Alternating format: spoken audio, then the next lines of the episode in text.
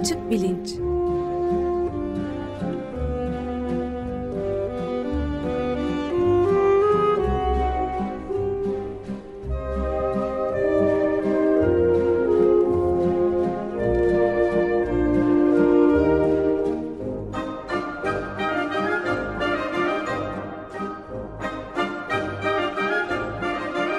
Güven Güzeldere ile bilim ve felsefe sohbetleri. Günaydın Güven Bey, merhabalar. Günaydın Ömer Bey. Merhabalar.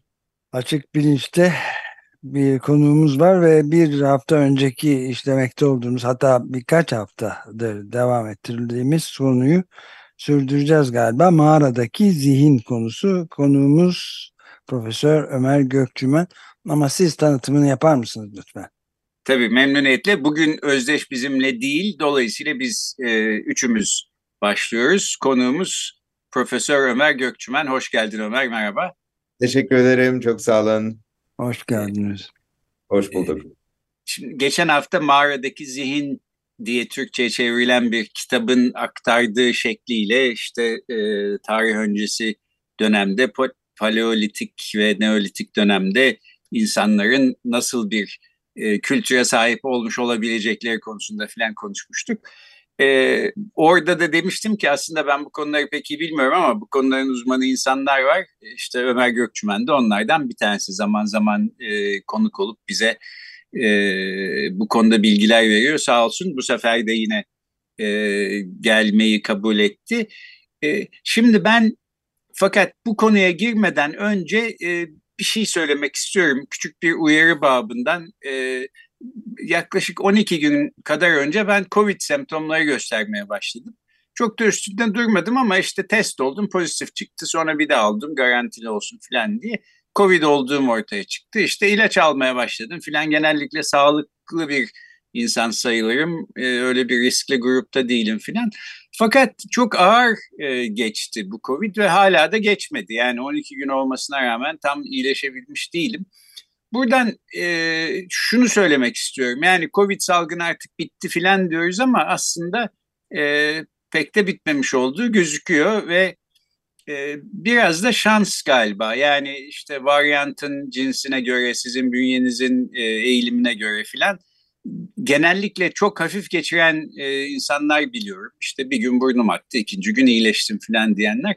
Ben de öyle olmadı. E, epey ağır geçiyor, 12 gündür sürüyor ve her gün artık ertesi gün iyileşeceğim falan diye umduğum halde böyle oluyor. Yani uyarım şudur, e, sessiz olun, Covid bitti diye e, rahatlamayın. İşte ne bileyim çok insanın olduğu bir yere giriyorsanız toplu taşımaya vesaire maskeyi ihmal etmeyin. En son aşınız ne zaman olmuştunuz? O artık gerek yok aşıya herhalde bir buçuk sene önce olmuştun falan diyorsanız e, aşılarınızı da yenileyin. Genel olarak e, uyarım bu COVID konusunda. Şimdi e, e, bu e, işte eski zamanlarda yaşamış insanların hayatları hakkında ne bilebiliriz? Bu benim ilginç bulduğum bir soru. Ömer Gökçümen'le de bunu konuşmak istiyoruz. Tam fakat bu sabah e, elime geçen bir e, mesaj oldu. Onunla başlayalım. E, bir dinleyicimiz diyor ki kızı 5. sınıfta ilkokulda öğrenciymiş ve bu işte tarih öncesi dönemler filan öğretilirken sosyal bilgiler dersinde şikayet ediyormuş. Ya niye bize bunları öğretiyorlar, ne gereği var bunların filan diye. Şimdi bu durumu biraz anlıyorum. Çünkü aslında ben de biraz öyleydim. Yani işte coğrafya dersinde yontma taş devri falan diye başlayınca hoca kaçacak yer arıyordum. Ee, işte e, peki tamam yani bir takım insanlar taşları yontmuşlar, öbürleri de cilalamışlar. E ne olmuş bana ne bundan falan gibi bir düşüncem vardı. Şimdi tabii öyle düşünmüyorum. Çok ilginç buluyorum o zamanlara ait hayatları. E, bugüne de aslında ışık tuttuğunu düşünüyorum. Ama e, bunu bu duruma benden çok daha önce uyanmış olan insanlar var. Ömer Gökçümen mesela bunlardan bir tanesi. Sonuçta bu konularda bir doktora çalışması yapmış ve çalışmalarını bu çizgide sürdüren bir kişi. Ee, daha önce de konuk olduğu için uzun uzadıya tanıtmayacağım ama Boğaziçi Üniversitesi'nin e, işte biyoloji bölümünün e, en başarılı ürünlerinden öyle bir dizi öğrenci e, doktora yapmaya yurt dışında çok iyi okullara gittiler. Ömer Gökçümen de öyle. Pennsylvania Üniversitesi'nde doktorasını tamamladıktan sonra Harvard Üniversitesi'nde doktora sonrası araştırmacısıydı. Sonra da New York Eyalet Üniversitesi Buffalo kampüsünde e, biyolojik bilimler e, bölümünde e, öğretim üyesi olarak çalışıyor. Profesör oldu. E, ve aslında geçmiş dönemlerde olmuş bitmiş kültürel şeylerin e, biyolojik ne gibi temelleri var konusunda da e, çok önemli araştırmalar yapıyor. Şimdi e, Ömer önce aslında şeyden başlayalım. Peki bu konu senin niye ilgini çekmişti ve e, ya bu ne saçma şey diyen e, işte genç dinleyicilerimize ne diyebiliriz? Ee, bence iyi bir soru. Şu böyle e, sorgulamak, niye bu soruyu soruyoruz e, sorusunu sormak başta bence çok e, sağlıklı. E, benim buna üç tane cevabım var. E, küçükken yani bu lisedeyken, e, üniversiteye giderken de o zaman da meraklıydım. Neden meraklı olduğumu da bilmiyordum açıkçası. Ama şimdi düşününce e, muhtemelen bu merak bilinmeyene, belki gereksize olan e, merak e, bizi insan e, yapan unsurların en önemlisi. E, bu tip bir e, neredeyse e, belki de hiç yarar olmayan şeylere e, merak duymak, sanata, e, tarihe, e, hele hele e, tarih öncesine. Mesela bir balıkta, bir rakunda veya işte bir e, ayıda hani muhtemelen böyle bir merak yok. Bizde var. Bu bizi insan yapan özelliklerden birisi.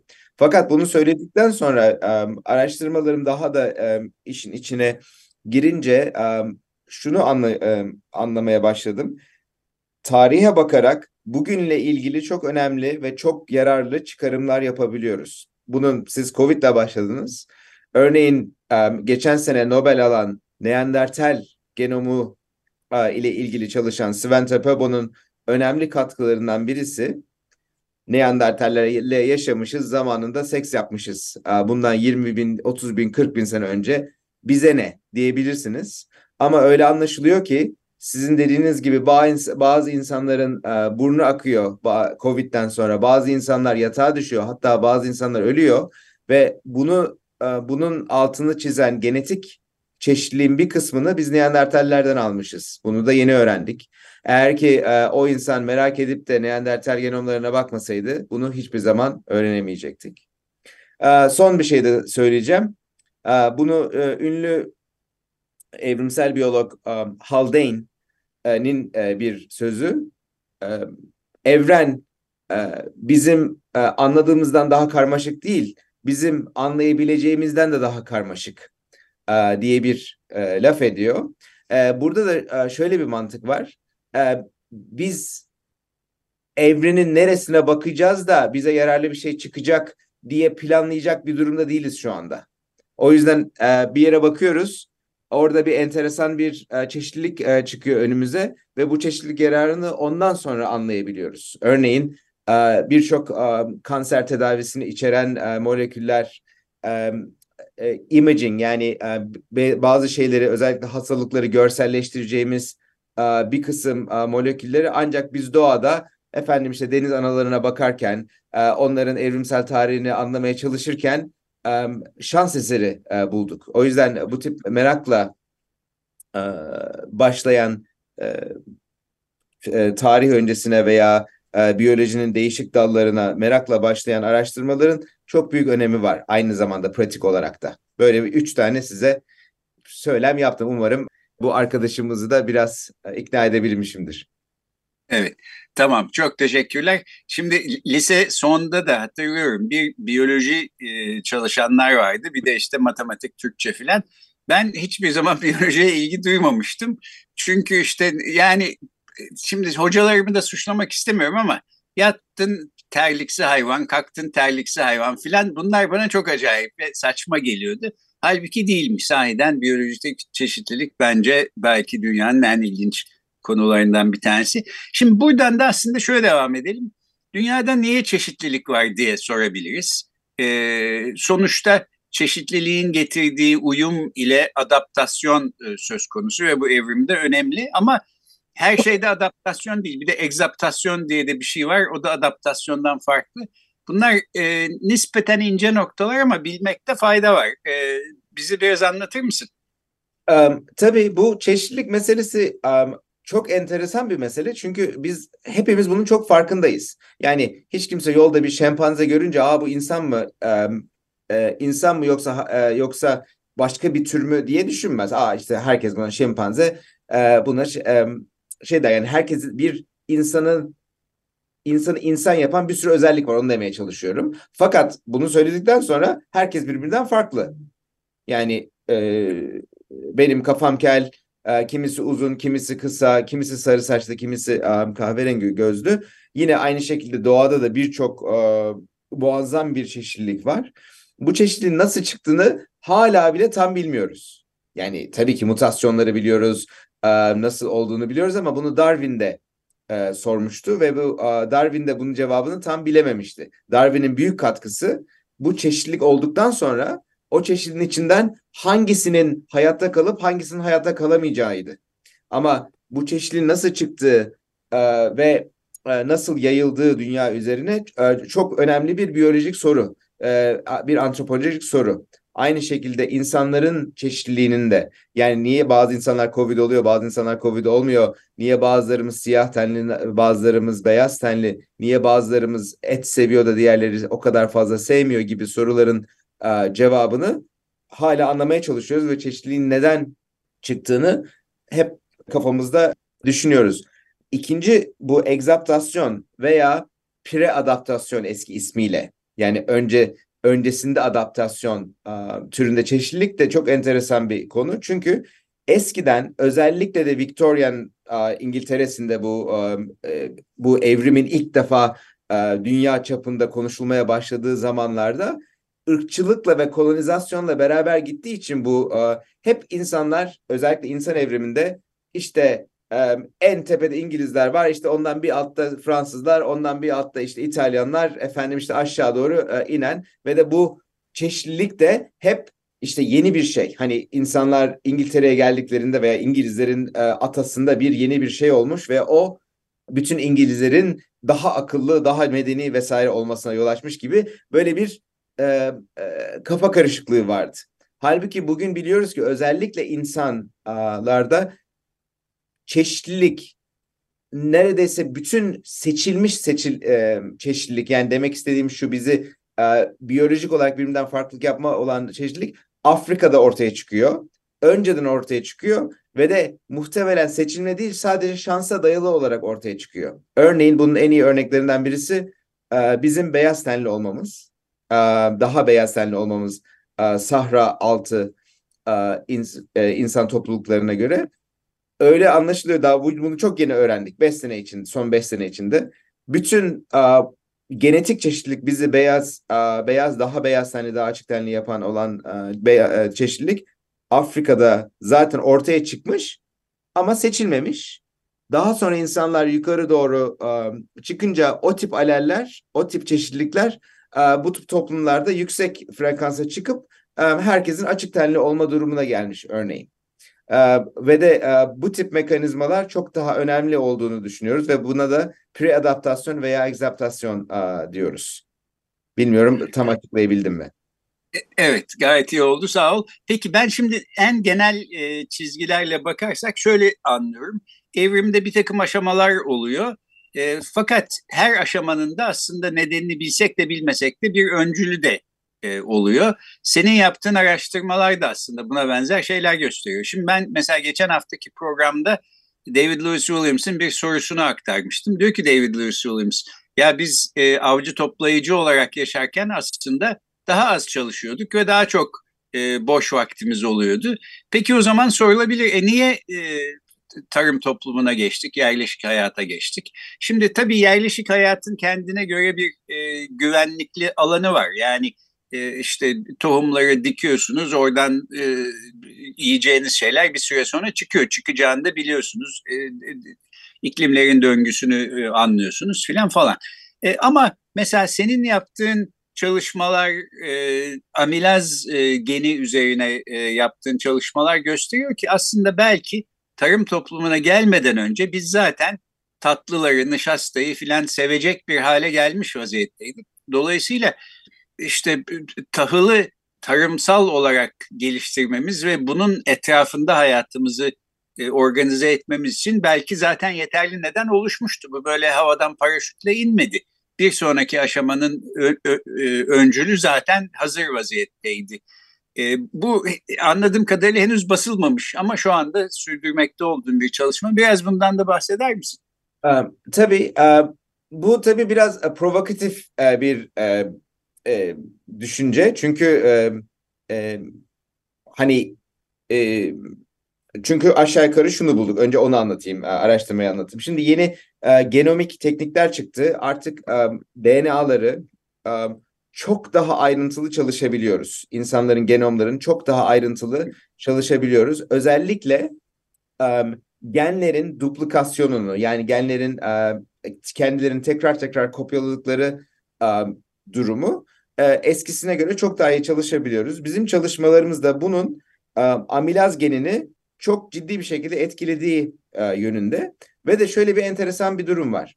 E, bir mutasyon oluyor. Bu mutasyon tamamen şansa bağlı bir mutasyon olabilir ve bu mutasyon biz daha Neandertallerden ayrılmadan önce yani e, modern insan olmak üzereyiz ama daha tam modern insan değiliz. E, e, o belki 1 milyon yıl önce, belki 500 bin sene önce e, bir mutasyon oluyor ve bu mutasyon bu genom bölgesini, amilazın olduğu genom bölgesini mutasyona çok daha açık bir duruma getiriyor. Yani o mutasyon, birinci mutasyon olduktan sonra bir sürü çeşitlilik oluşmaya başlıyor. İnsanlar e, da değişik değişik, e, kiminde salyasında çok amilaz oluyor, kimisinde pankreasında çok amilaz oluyor, kiminde az oluyor, e, kiminde kiminde çok daha rahat sindiriyor, kiminde daha rahat sindiremiyor. Böyle bir çeşitlilik oluşuyor. Ve de bu insanları belki etkiliyor, belki etkilemiyor bilmiyoruz ama şu kesin. Eğer ki siz mesela çok fazla ağzınızda amilaz varsa böyle çalışmalar var. Mesela patatesi çok seviyorsunuz. Efendim işte ekmeği daha çok seviyorsunuz. Çünkü ağzınızda o ekmek çabuk bir şekilde sindiriliyor ve de şekerler sizin tat alma reseptörlerini e, tetikliyorlar ve de siz daha çok hoşunuza gidiyor. Halbuki e, hiç ağzında sal da e, amilaz olmayan ya da az olan insanlar belki daha az zevk alıyor ekmek yemekten veya mısır yemekten vesaire. Şimdi böyle bir durumda düşünün, bir topluluğu düşünün. E, bir kısmı e, o e, nişasta şekerlerini çok iyi metabolize edemiyor, çok sevmiyor. Bir de başka bir topluluk düşünün. E, bu arkadaşlar devamlı Aa işte bir yerden e, yaban yaban e, tahıl bulsam da kemirsem e, gibi bir düşünce içinde e, olunca e, böyle bir predisposition, öncüllük e, oluyor gibi e, bir hipotez kurduk. Tabii bunun ikinci kısmı biraz e, biraz e, veri eksikliği var. Çünkü biz asıl bulduğumuz bu mutasyonun nasıl çeşitlilik yarattığı. E, fakat e, bana öyle geliyor ki e, dünyanın birçok yerinde hem metabolik hem de perception yani algılama içinde bazı teknolojileri ve bazı kültürleri içinde e, karşılıklı bir etkileşim var. Yani bu biyolojik altyapı olmadan o kültürler oluşmuyor ve o kültürler oluştuktan sonra o biyolojik altyapıyı belli bir şekilde değiştiriyor. Uh, ve de uh, bu da um, muhtemelen bu egzapsiyonun veya um, pre-adaptasyonun um, enteresan bir örneği olabilir. Ben de bir şey sorayım mı bu arada tam araya girerek?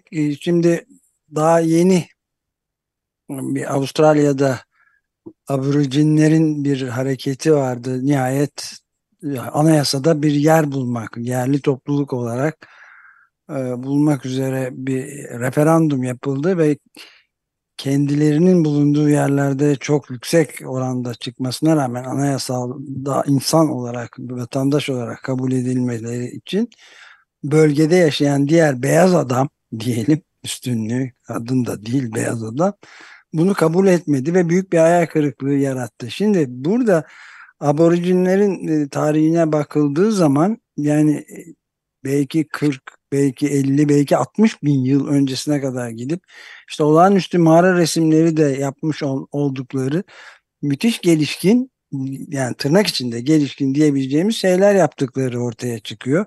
Buna rağmen sadece 234 midir 235 yıllık geçmişleri olan beyaz sömürücülerin, kolonyalistlerin onları insandan bile saymaması gibi bir durum var. Bu na nasıl izah ediyoruz bunu?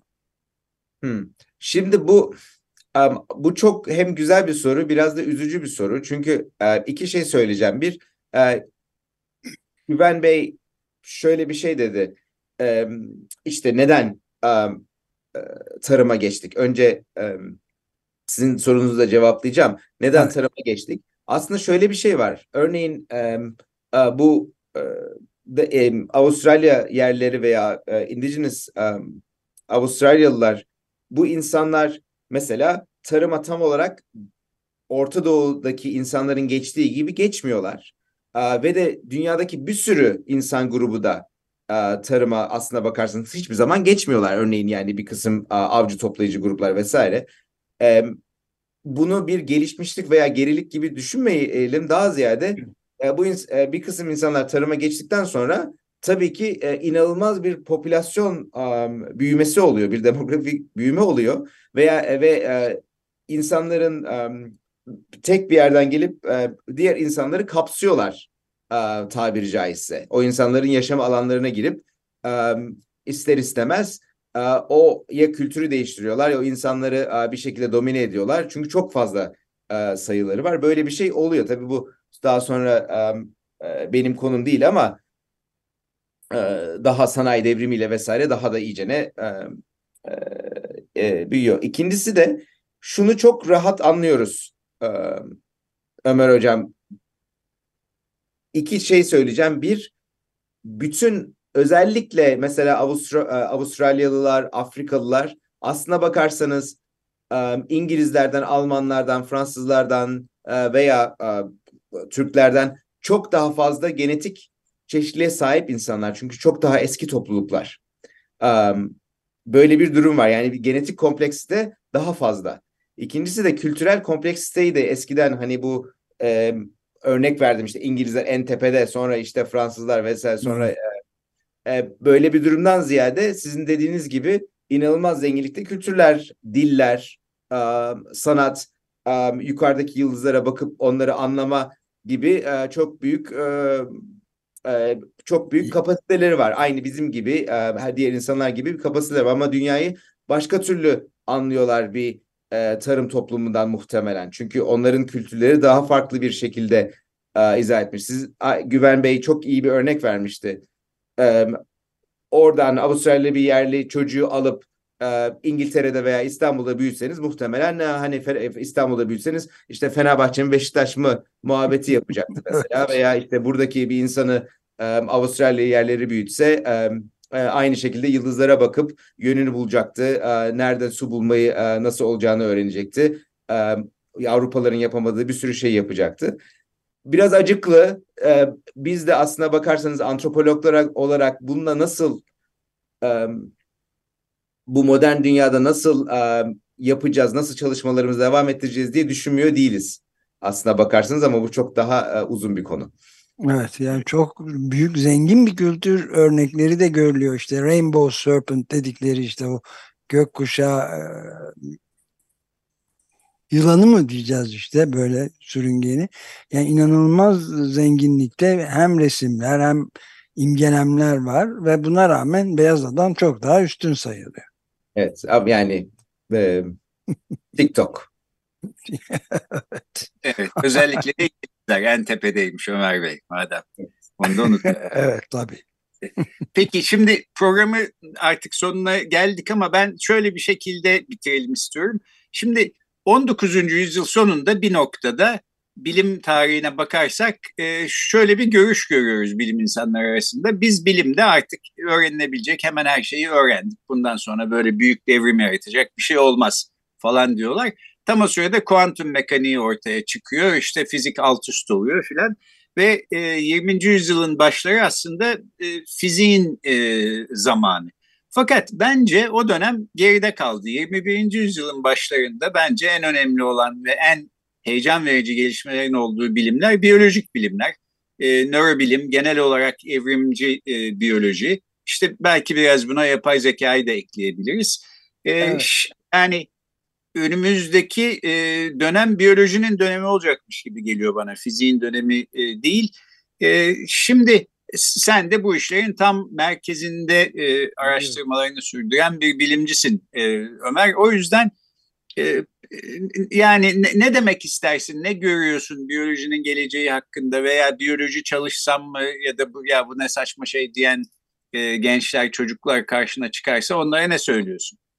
Um, uh, şimdi açıkçası bundan sonra um, özellikle um, büyük sistem biyolojisi yani hani bu bilgisayarlarla biyolojinin um, ortaklaştığı yerde ister tıp okuyun, ister uh, mühendisliğin bir sürü dalı, ister kimya okuyun, ister bu artık biyolojiden kaçış yok. Yani uh, o kadar fazla en, muhtemelen ekonominin, uh, kültürün uh, içine girecek ki önümüzdeki 10, 20, 30 sene içinde uh, biyolojik gelişmeler um, kesinlikle hani geleceğin um, mesleği gibi derler ya hani biyoloji muhtemelen um, tam uh, ekonomik gelişmenin ve kültürel değişimin merkezinde olacak. Çünkü yavaş yavaş genlerimizi değiştireceğiz. Uh, muhtemelen e, diagnosis yani tanılar o kadar ilerleyecek ki hani daha baştan bebekken ya sen işte 50 yaşında uh, pankreasında bir sorun olacak ona göre yaşama lazım e, gibi şeylere daha bebeğe rapor vereceğiz vesaire.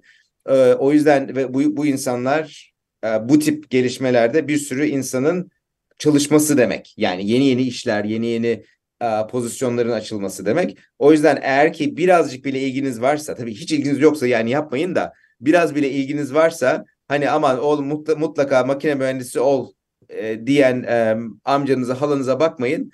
E, neye ilginiz varsa ona devam edin. Özellikle biyolojide gelecek e, parlak. Evet. Ee, E, peki ölüp, ölüp kalmazsak. e, bu yapay, yapay zeka, iklim değişikliği vesaire konusunda ölüp kalmazsak gelecek parlak. Evet. Tamam ben de buna katılıyorum. Çok teşekkürler. O zaman bu şekilde e, bitirelim bugünkü programı. E, New York Eyalet Üniversitesi Buffalo'dan Profesör Ömer Gökçmen konuk oldu ve e, işte eski zamanların e, insan kültürleri ve biyolojilerinin ne şekilde etkileştiği konusunda konuştuk. Çok teşekkür ederiz Ömer. Ben çok çok teşekkür ederim. teşekkürler. Ömer Bey, sağ olun Ömer Bey. E, çok iyi bakın kendinize. Teşekkürler. görüşmek üzere. üzere.